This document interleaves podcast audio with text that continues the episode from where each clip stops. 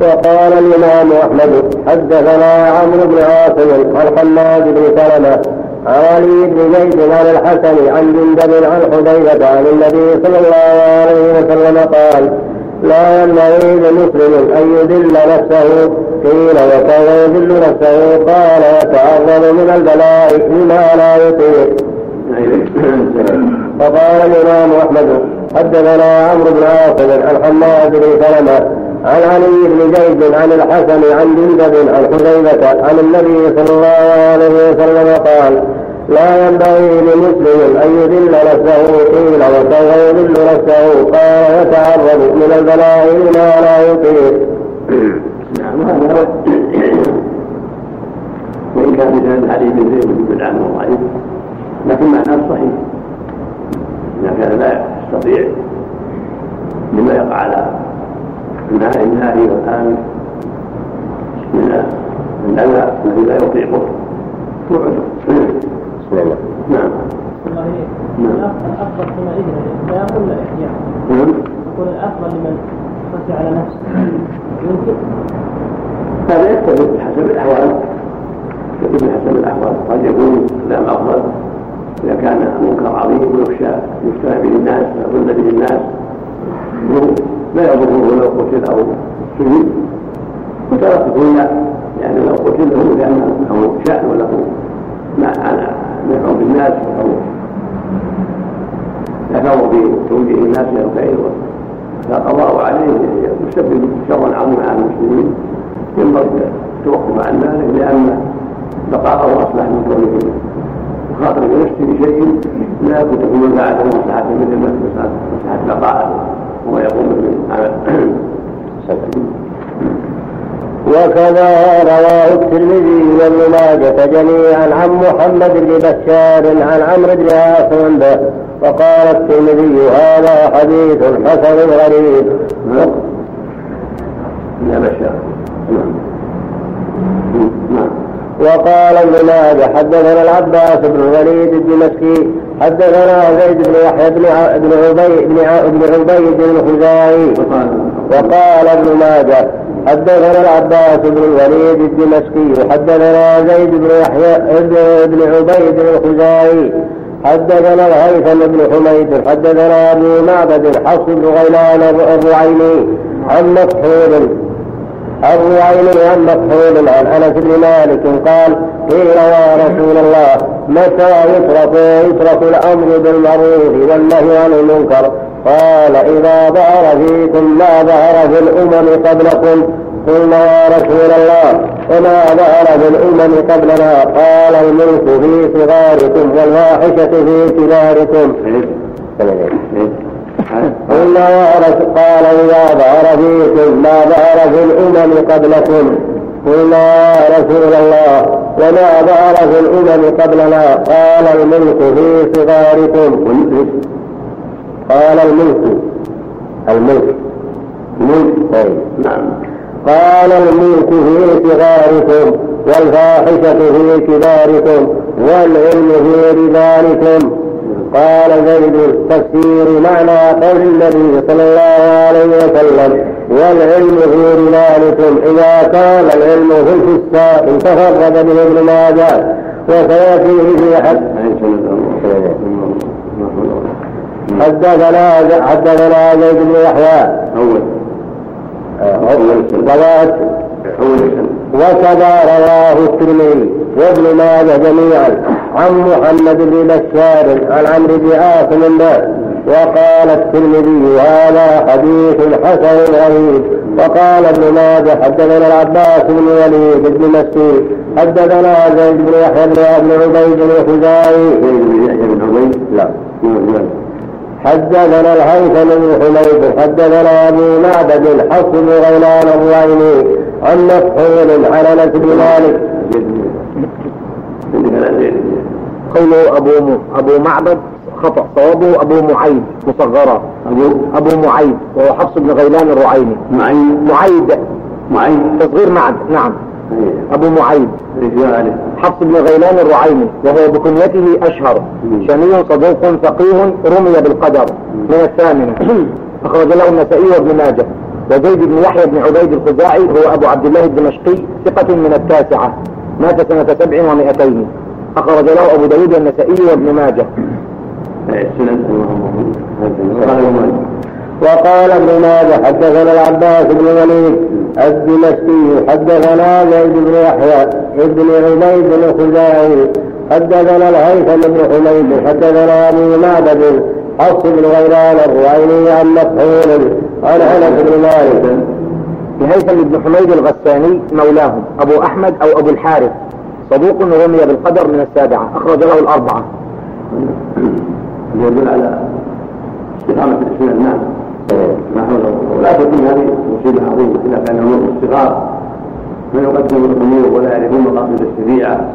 الغالب عليهم قلة العلم والواحشة الكبار والعلم الوسطى لا شك هذا ما في هلاك نسأل قال زيد تفسير على قول النبي صلى الله عليه وسلم والعلم في رجالكم إذا كان العلم في الفساق تفرد به ابن ماجه. وسيأتي في حديث أبي ثعلبة عند قوله لا يضركم من ضل إذا اهتديتم شاهد لهذا إن شاء الله تعالى وبه الثقة وقوله تعالى وبه الثقة. وقوله تعالى ترى كثيرا منهم يتولون الذين كفروا قال مجاهد يعني بذلك المنافقين. وقوله لبئس ما قدمت لهم أنفسهم. يعني بذلك موالاتهم الكافرين وتركهم يعني بذلك. موالاتهم للكافرين. يعني بذلك موالاتهم للكافرين وتركهم موالاة المؤمنين التي أعقبتهم نفاقا في قلوبهم وأسقطت وأسقطت الله عليهم سخطا مستمرا إلى يوم معادهم ولهذا قال أن سخط الله عليهم وفسر بذلك ما ذمهم به ثم أخبر عنهم. ثم أخبر عنهم أنهم في العذاب خالدون. يعني يوم القيامة قال ابن أبي حاتم حدثنا أبي حدثنا هشام بن عمار. ما في إلا شوي ما في إلا قليل نعم. قال حدثنا أبي حدثنا هشام بن عمار حدثنا مسلم بن علي عن الأعمش باسناد ذكره قال يا معشر المسلمين إياكم والزنا فان فيه ست خصال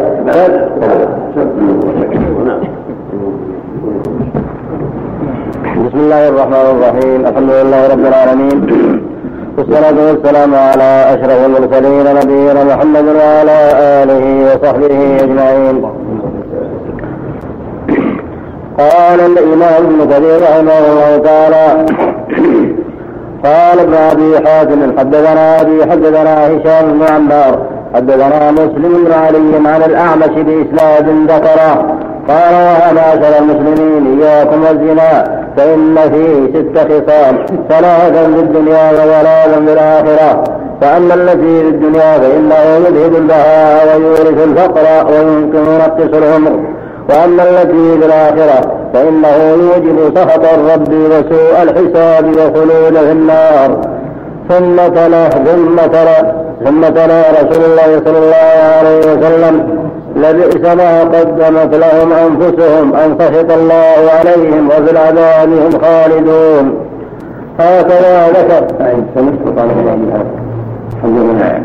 قال ابن أبي حاتم حدثنا أبي حدثنا هشام بن عمار حدثنا مسلم بن علي.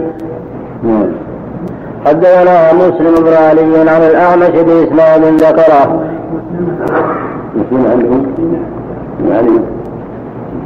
نعم. نعم. قال في مخطوطة الأزهر مسلم بن علي ولا يوجد ولا يوجد من يدعى بهذا والمثبت عن الجرح بن أبي حاتم والتهذيب وهو مسلمة بن علي بن خلف الحسن وهو مسلمة بن علي بن خلف الخشني أبو سعيد. الخشني؟ نعم. أبو سعيد بس؟ انتهى نعم. قوله مسلم بن علي مصحف. وصابه مسلمة ابن علي الخشني وهو مترجم في التقريب. قال أبو سعيد الدمشقي البلاطي متروك من الثامنة. مات قبل سنة تسعين تفرد ابن ماجه بالرواية عنه. وهو الذي يروي عنه هشام بن عمار وهو يروي عن الأعمش. وقد ذكر هذا الحديث أيضا بهذا في ترجمته في ميزان الاعتدال. ولهم العين أي نعم. ذكرها عن الإكمال وقال في نسخة من النسخ في الحاشية أنه بضم العين علي. طيب. نعم سمعت حدثنا مسلمة بن علي عن الأعمش بإسناد ذكره. قال يا معشر المسلمين إياكم والزنا فإن فيه ست خصال ثلاثا في الدنيا وثلاثا في الآخرة فأما التي في الدنيا فإنه يذهب البهاء ويورث الفقر وينقص العمر. وأما التي في الآخرة فإنه يوجب سخط الرب وسوء الحساب والخلود في النار. ثم تلا رسول الله صلى الله عليه وسلم لبئس ما قدمت لهم أنفسهم أن سخط الله عليهم وبالعذابهم خالدون. هكذا ذكر ابن ابي حاتم وقد روى ابن مردوي من طريق هشام بن عمار عن مسلم.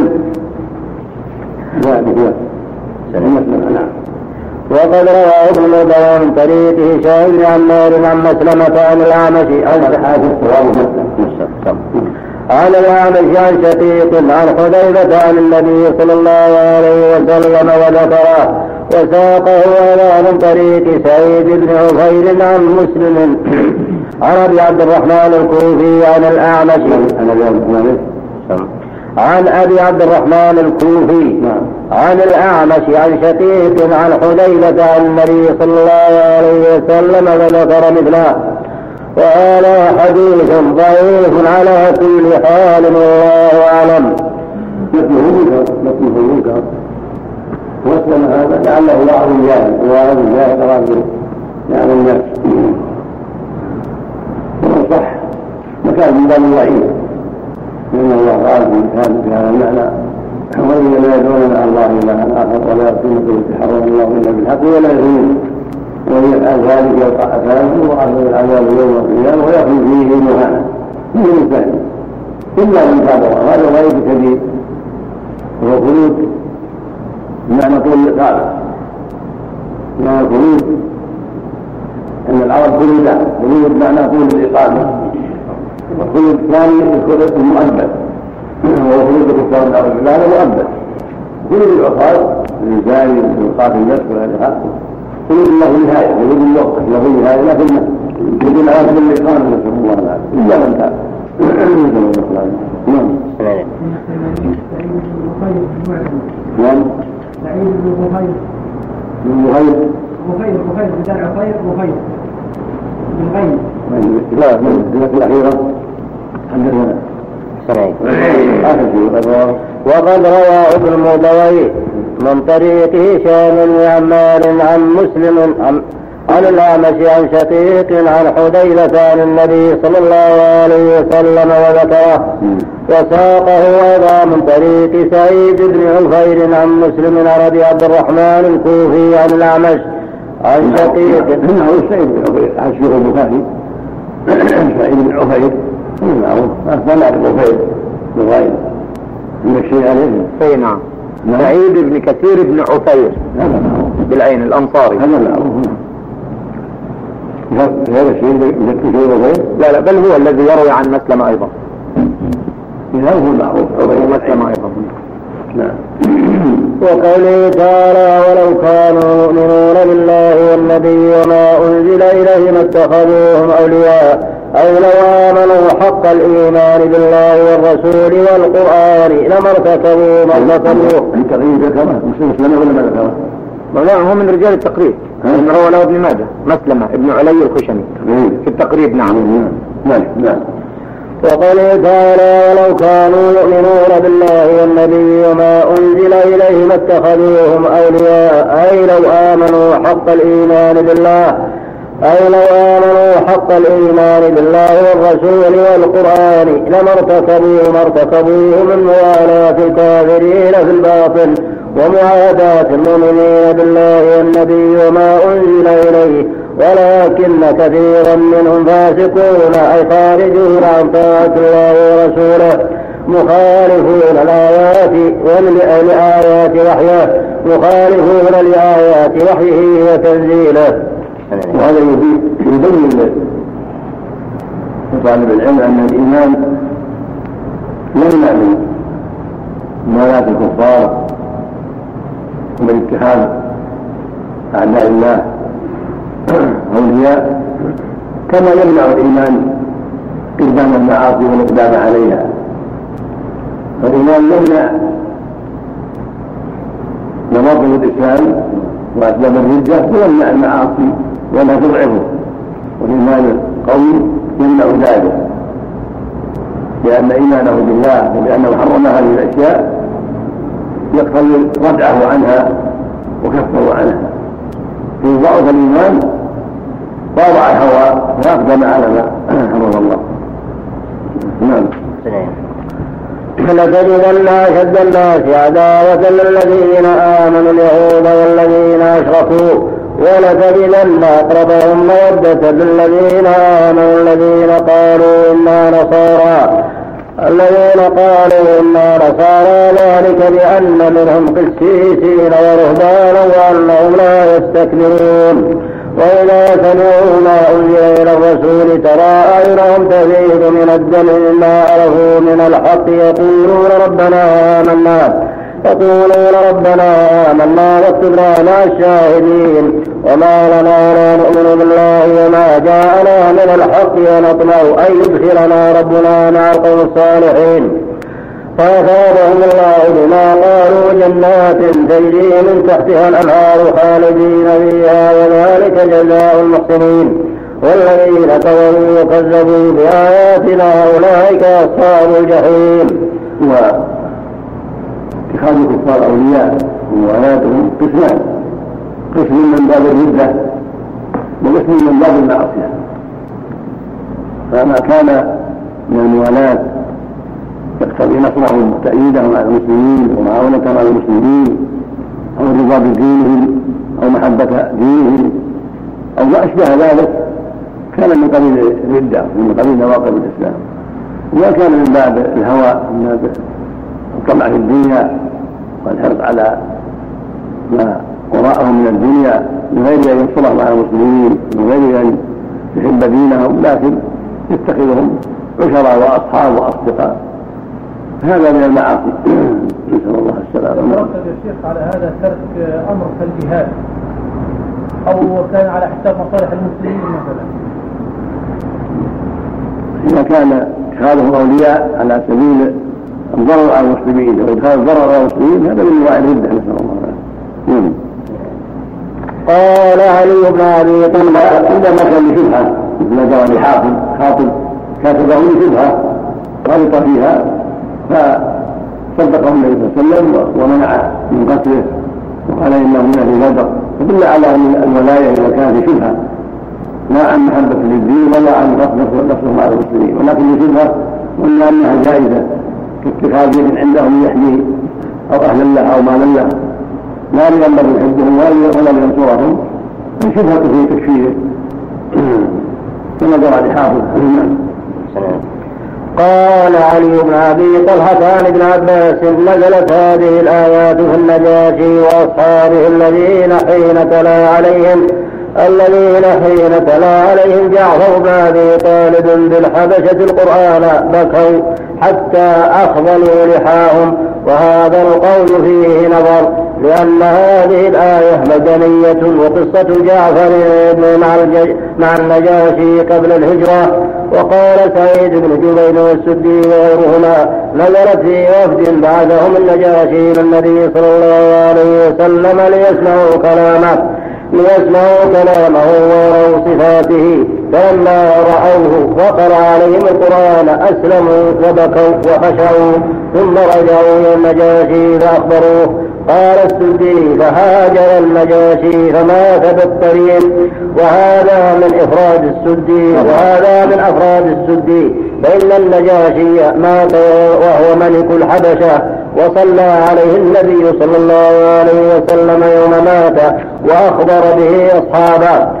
وأخبر أنه مات بأرض الحبشة ثم اختلي بعدة هذا الوفد فقيل اثنا عشر سبعة قساقسة وخمسة رهابين وقيل بالعكس وقيل خمسون وقيل بضع وستون وقيل سبعون رجلا فالله أعلم. وفي كل حال فالعبرة بالآية والعموم لا بأسبابها سوء الوصف عشرة أو مئة أو عشرين أو هناك وصف المقصود. ما دلت عليه الآية من خوف النصارى من الإسلام وبعد اليهود. اليهود أبعد الناس عن الإسلام وأشد الناس عداوة تجاه الإيمان وهكذا الوثنيون عباد الأوثان وعباد الأصنام. وأما النصارى هم أقرب مما عندهم من الجهل وعدم البصيرة. وهم عندهم إيمان بالآخرة وعندهم إيمان بالرسل لكن ما عندهم العداوة لأهل الإيمان كالعداوة التي عند اليهود عن حقد وعن عقيدة. فهم يعرف عليهم الجهل فإذا سمعوا الحق ناموا وخشعوا وقبلوا. وهذا من قبل الزمان ولهذا تجدهم الآن يشكل كثير بين وقت وآخر. بخلاف اليهود فلا يسمع عنهم واحد أسلم. لقبحهم و... وشدة العداوة التي في قلوبهم للإسلام وأهله. وأما النصارى هم ألين قلوبا وأقرب إلى الصواب. ولهذا يسلم منه كثير في كل زمان في كل وقت. وفي هذا العصر يسلم منه جنب كثير بين وقت وآخر نعم. وقال عطاء بن رباح هم هم قوم من أهل الحبشة هم قوم من أهل الحبشة أسلموا حين قدم عليهم مهاجرة الحبشة من المسلمين. وقال قتادة هم قوم كانوا على دين عيسى بن مريم فلما رأوا المسلمين وسمعوا القرآن أسلموا ولم يتلعثموا واختار ابن جرير أن هذه الآيات نزلت في صفة أقوام بهذه المثابة سواء كانوا من الحبشة أو غيرهم. فقوله تعالى لتجدن أشد الناس عداوة للذين آمنوا اليهود والذين أشركوا. ما ذاك إلا لأن كفر اليهود كفر عنا كفر عناد كفر عناد وجحود ومباهة ومباهة للحق وغمد للناس وتنقص بحملة العلم. ولهذا قتلوا كثيرا من الأنبياء حتى هموا بقتل رسول الله صلى الله عليه وسلم. حتى هموا بقتل رسول الله صلى الله عليه وسلم غير مرة وسموه وسحروه وألبوا عليه أشباههم وألبوا عليه أشباههم من المشركين عليهم لعائن الله المتتابعة إلى يوم القيامة. قال الحافظ أبو بكر بن مردوي عند تفسير هذه الآية حدثنا أحمد بن محمد بن سري حدثنا محمد بن علي بن حبيب الرقي حدثنا علي بن سعيد العلاف حدثنا أبو النضر عن الأشجعي عن سفيان عن يحيى بن عبد الله عن أبيه عن أبي هريرة قال قال رسول الله صلى الله عليه وسلم ما خلا يهودي بمسلم قط إلا هم بقتله. ثم رواه ثم رواه عن محمد بن أحمد بن إسحاق العسكري. حدثنا أحمد بن سهل.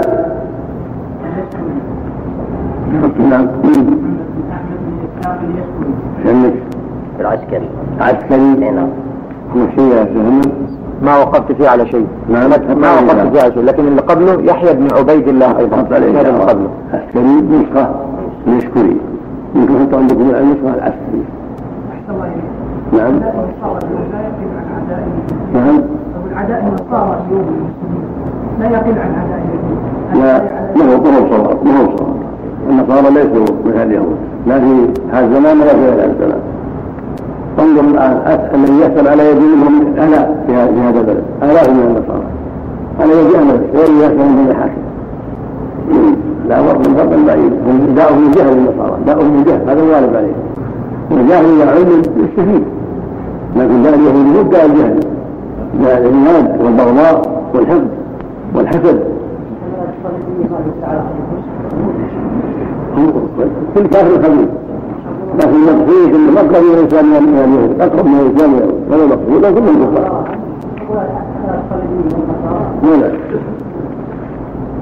لكن النصارى اقرب من الانسان من اليهود. وكلهم كفار نعم. السؤال اللي قبله يا شيخ نعم. يحيى بن عبيد الله عن أبيه. مرة هو مذكور مكبر الصوت مصغر. سفيان عن ابن عبد الله. ما جاءك شيء أي نعم. سفيان عن يحيى بن عبيد الله عن أبيه. وهو عبيد الله يحيى بن عبيد الله بن عبد الله بن موهب. التيمي المدني متروك. متروك. أي نعم. وأفحش الحاكم فرماه الله عبد الله بن عبد الله. يحيى ابن ابن عبيد الله. عبد الله. عبد الله بن عبد الله. ابن عبيد الله هو في الاسنادين هو الذي يروى عن أبيه عن أبي هريرة. حدث عبيد الله عليه الصلاة والسلام. حدث عبيد الله نعم. نعم. حدثنا أحمد بن سهل بن أيوب الأهوازي وحدثنا فرج بن عبيد. حدثنا عباد بن العوام عن يحيى بن عبد الله عن أبيه. عن أبي هريرة قال قال رسول الله صلى الله عليه وسلم ما خلا يهودي بمسلم إلا حدثته نفسه بقتله وهذا حديث غريب جدا. وقوله تعالى ولتجدن أقربهم مودة للذين آمنوا الذين قالوا إنا نصارى أي الذين زعموا أنهم أنهم نصارى من أتباع المسيح وعلى منهاج إنجيله. فيهم موده للإسلام وأهله في الجملة وما ذاك إلا لما في قلوبهم إذ كانوا على دين المسيح من الرقة من الرقة والرأفة كما قال تعالى وجعلنا في قلوب الذين اتبعوه رأفة ورحمة ورهبانية وفي كتابهم وفي كتابهم من ضربك على خدك لا على خدك الأيمن فأجرنه خدك الأيسر. وليس القتال مشروعا في ملتهم. ولهذا قال تعالى ذلك بأن منهم قسيسين ورهبانا وأنهم لا يستكبرون. أي يوجد فيهم قسيسون وهم خطباؤهم وعلماؤهم. واحدهم قسيس وقس واحدهم قسيس وقس أيضا. وقد يجمع على قصوص والرهبان كمراهب وهو العابد مشتق من الرهبة وهي الخوف كراكب وركبان وفارس وفرسان قال ابن جرير وقد يكون الرهبان واحدا وجملته رهابين مثل قربان وقرابين وجرذان وجرابين. وقد يجمع على رهابنا ومن الدليل على أنه يكون عند العرب واحدا قول الشاعر لو عاينت رهبان طيرا القي في الحلل لانحدر الرهبان يمشي ونزل. وقال الحافظ أبو بكر البزار حدثنا بشر بن آدم حدثنا نصير بن أبي الأشعث حدثنا الصوت الدهان عن جاثمة بن رئاب. عن جاثمة بن رئاب قال سألت سلمان عن قول الله تعالى ذلك بأن منهم قسيسين ورهبانا. وقال دع القسيسين في البيع والخريف أقرأ فقال دع القسيسين في البيع والخريف الخريف نعم. أقرأني رسول الله صلى الله عليه وسلم ذلك بأن منهم صديقين ورهبانا. وكذا رواه ابن مردوي من طريق. الاسناد عندنا حامية بن ركاب نعم. عن حامية بن ركاب نعم جاثمة نعم أنا عندي جاثمة. نعم جاثمة بن رئاب صواب حامي نعم صوابه حامي بن رئاب مم. كوفي روى عن سلمان. وروى عنه الصلت الدهان الصلت الدهان. هكذا ذكره في الجرح والتعديل وقال سمعت أبي يقول ذلك. وهكذا ذكرهم في الجرح والتعديل. نعم. وقال سمعت أبي يقول ذلك.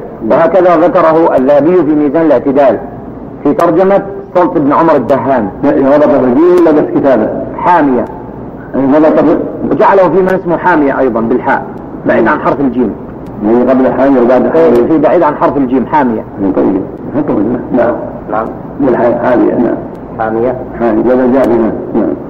نعم. ابن ركاب الغاز الرياض كان حامية حامية بن رئاب قال سألت سلمان عن تعالى نعم.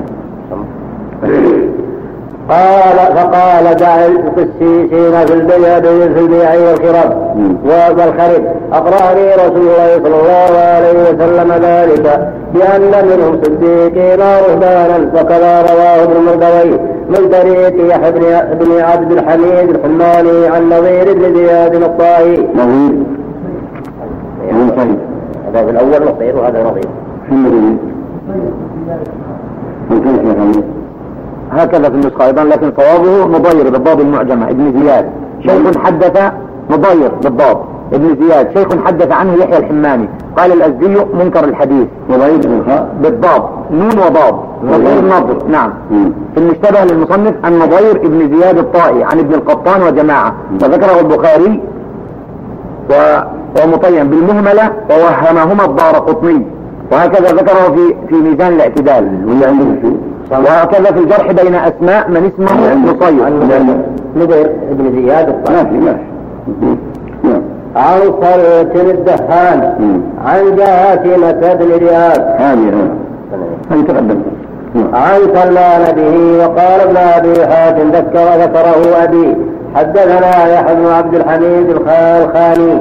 حدثنا نظير بن زياد الطائي حدثنا صلت الدهان عن حامية بن رئاب قال سمعت سلمان وسئل عن قوله ذلك بأن منهم قسيسين ورهبانا. فقال هم الرهبان رهبان الذين هم في الصوامع والخرج فدعوهم فيها. قال سلمان وقرأت عن النبي صلى الله عليه وسلم ذلك بأن منهم قسيسين فأقرأني ذلك بأن منهم صديقين ورهبان. وقوله تعالى فشيخ حفظك الله هذا أيضا شيخ ابن أبي حاتم. شيخ ابنه مصحف يحيى بن عبد الحميد الخاني مصحف عن الحماني. وهو الذي يروى عنه ابن أبي حاتم وهو الراوي عن مضير بن زياد. وعندكم هو حدثنا يحيى بن عبد الحميد الخاني الخاني. الحماني. نعم الحماني نعم الحماني بالحاء والتنوين نعم بن عبد الحميد. الحماني بالحاء واللام مشددة سنين فقال أحسن. قال سمعت سلمان وسئل عن قوله. وقوله سم.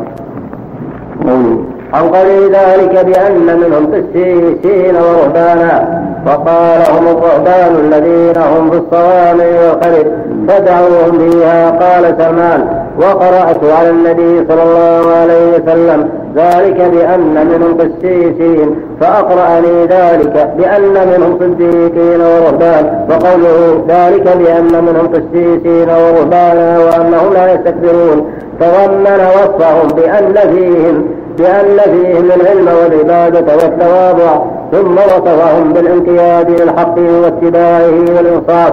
وقال وإذا سمعوا ما أنزل إلى الرسول ترى أعينهم تفيض من الدم مما عرفوا من الحق أي مما عندهم من البشارة ببعثة محمد صلى الله عليه وسلم.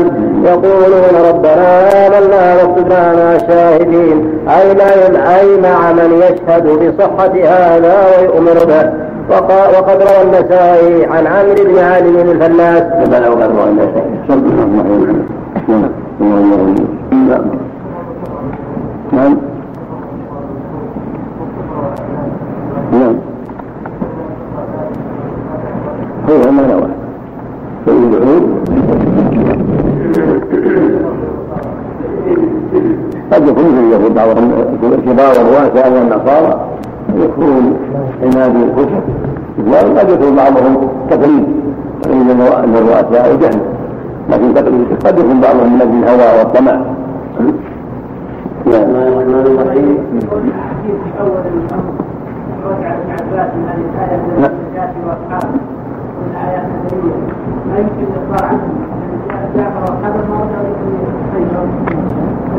ما إذا ما في آخر ما نزل في آخر في آخر أيام صلى الله عليه وسلم نعم ولا يضر شيء في في ولا غيره الأسباب ما ما لها وإن كان الأسباب توضح فإذا أهم المعنى لكن العبرة في هذه النصوص من الآيات والأحاديث العبرة بالعموم والمعنى لا لا بالأسباب نعم. بسم الله الرحمن الرحيم الحمد لله رب العالمين والصلاة والسلام على أشرف المرسلين نبينا محمد وعلى آله وصحبه أجمعين. قال الإمام ابن كثير رحمه الله تعالى وقد روى النسائي عن عمرو بن علي الفلاس عن عمر عن عمر بن علي بن مقدم عن هشام بن عروة عن أبيه عن عبد الله بن الزبير. قال نزلت هذه الآية في النجاشي وفي أصحابه وإذا سمعوا ما أنزل إلى الرسول ترى أعينهم تفيض من الدمع مما عرفوا من الحق. وقد روى النسائي عن عمرو بن علي الفلاس عن عمر بن علي بن مقدم عن هشام بن عروة عن أبيه عن عبد الله بن الزبير. قال نزلت هذه الآية في النجاشي وفي أصحابه. وإذا سمعوا ما أرسل إلى الرسول ترى أعينهم تفيض من الدم مما عرفوا من الحق. يقولون ربنا آمنا واكتبنا مع الشاهدين. وروى في حاتم وابن مردوي والحاكم في مستدركه من طريق سماك عن كلمة عن ابن عباس في قوله واكتبنا مع الشاهدين أي مع محمد صلى الله عليه وسلم وأمته وأمته هم الشاهدون يشهدون لنبيهم صلى الله عليه وسلم أنه قد بلغ وللرسل أنهم قد بلغوا ثم قال الحاكم ثم قال الحاكم صحيح الإسناد ولم يخرجاه وقال الطبراني حدثنا أبو شبير عبد الله بن عبد الرحمن وقال الطبراني حدثنا أبو شبير عبد الله بن عبد الرحمن بن واقد. عندنا أبو شبيب عبيد الله عبيد الله بن عبد الرحمن بن واقد. في الحاشية قال كذا في مخطوطة الأزهر وفي المعجم الصغير للطبراني ذكر الفتحة أبو شبل. تكبير بالتكبير إي نعم. نعم. آه، الاسم عندنا عبيد الله. عند عبد الله عندهم التكبير عبد الله. نعم. اللي عند عبد الله حدث عبد الله واللي عند عبد الله حدث عبد الله نعم وقال الطلالي حدثنا أبو شبير عبد الله بن عبد الرحمن بن واقد حدثنا أبي حدثنا عباس بن الفضل عن عبد الجبار بن نافع الضبي عن قتادة وجعفر بن اياس عن سعيد بن جبير عن ابن عباس في قول الله تعالى وإذا سمعوا ما أنزل إلى الرسول ترى اعينهم تفيض من الدم قال إنهم كانوا كرابيين كانوا كرابيين أو كرابيين بالقاف بالكاف. كرابيين كان عندهم يعني فلاحين. كرابين كرابين نعم. كان عندهم نعم يقال أكشارين ويقال ممكن يقال كما كرابين معروف من الفلاح أكار الأكارون هم الفلاحون كان في لغة الرقم الوجود نعم. في كرابة كرابين نعم. فطريق أنهم كانوا كرابين يعني فلاحين قدموا مع جعفر بن أبي طالب من الحبشة. فلما قرأ رسول الله صلى الله عليه وسلم عليهم القرآن آمنوا وفاضت أعينهم فقال رسول الله صلى الله عليه وسلم لعلكم إذا رجعتم إلى أرضكم انتقلتم إلى دينكم. وقالوا لن ننتقل عن ديننا فأنزل الله ذلك من قولهم وما لنا لا نؤمن بالله وما جاءنا من الحق ونطبع ونطمع أن يدخلنا ربنا مع القوم الصالحين. وفي هذا في هذا سماعنا من يبكي عند سماع القرآن وأن هذا مما ينبغي المؤمن أن يتأثر بسماع كلام الله وتلاوة كتاب الله. ولهذا مدحهم بقوله وإذا سمعوا ما أنزل الرسول ترى أنهم يوم الذنب. مما أعظم من الحق وكان النبي صلى الله عليه وسلم إذا كان القرآن يتأثر به ويبكي يقول عبد الله بن الشخير دخل عليه ويصلي. قال سمعت لقلبي أزيزا كأزيز من من البكاء قال عائشة كان الصديق إذا قال بالناس ما يستطيع يسمعهم. القراءة من البكاء أن الله كان يسمع نشيده وراء الصفوف فالبكاء من خشية الله له شأن عظيم. حتى ورد في حديث السبعة أن يولهم الله في ظله ورجل ذكر الله خالص فأغلق عيناه فينبغي لقارئ القرآن وسامع القرآن أن يتدبر ويتعقل عند تلاوته وعند استماعه لعله يتأثر لعل قلبه يخشى لعل عينه تدمع كما جرى للأحياء. نعم. القاموس نعم. ذكر الكرب الحزن يأخذ بالنفس ثم قال وجمعه كروب وكربه الغم فاكترب فهو مكروب وكريب. والفتل وتضييق القيد على المقيد وإثارة الأرض للزرع. يلقي الأرض كرب. الكرب الحزن يأخذ بالنفس. اي كالكربة بالضم جمعه كروب وكربه الغم فاكترب فهو مكروب وكريب. والفتل وتضييق القيد على المقيد. وإثارة الأرض للزرع كالكراب. هذا هو. كرابين مثل أكشارين نعم. وبعد ذكر والك- والكرابة بالضم والفتح ما يلتقط من التمر في أصول السعد. نعم. الله أعلم. نعم. نعم. وهذا الصنف من النصارى هم المذكور في قوله تعالى وإن من أهل الكتاب لمن يؤمن بالله وما أنزل إليكم وما أنزل إليهم خاشعين لله. وإن من أهل الكتاب لمن يؤمن بالله وما أنزل إليكم وما أنزل إليهم خاشعين لله الآية. وهم الذين قال الله فيهم الذين آتيناهم الكتاب من قبله هم به يؤمنون. وإذا يتلى عليهم قالوا آمنا به إنه الحق من ربنا إنا كنا من قبله مسلمين. إلى قوله لا نبتغي الجاهلين. ولهذا قال تعالى ها هنا فأثابهم الله بما قالوا جنات تجري من تحتها الأنهار. أي فجازاهم على إيمانهم وتصديقهم وكرامهم بالحق جنات تجري من تحتها الأنهار خالدين فيها أي ماكثين فيها أبدا لا يحولون ولا يزولون. وذلك لا يحولون؟ ولا يزولون. نعم. وذلك جزاء المحسنين في اتباعهم الحق وانقيادهم له حيث حيث كان حيث كان وأين كان ومع من كان. ثم أخبر عن حال الأشقياء وقال والذين كفروا وكذبوا بآياتنا أي جحدوا بها وخالفوها أولئك أصحاب الجحيم. أي هم أهلها والداخلون فيها. يا أيها الذين آمنوا لا تحرموا طيبات ما أحل الله لكم. هذه أقسام الناس مثل استجاب لله واعترف بالحق وعمل به فله الجنة والكرامة مسلم جحد آيات الله وكذب بها فله الهيبة والندامة والناس بعد ذلك نظر إلى تابع لهذا القسم نظر إلى تابع لهذا القسم. ولا حول ولا قوة إلا بالله. نعم.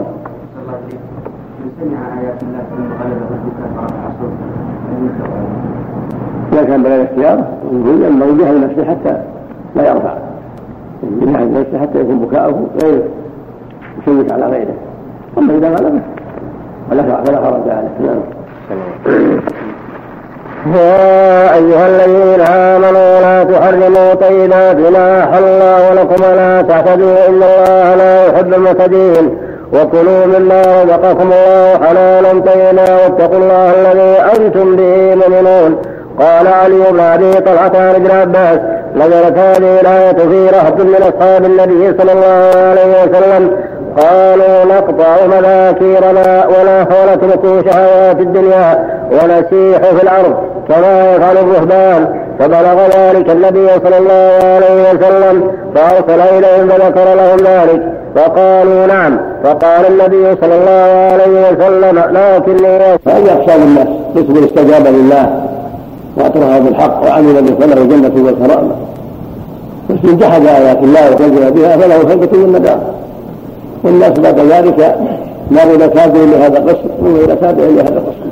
ولا حول ولا قوة إلا بالله. نعم.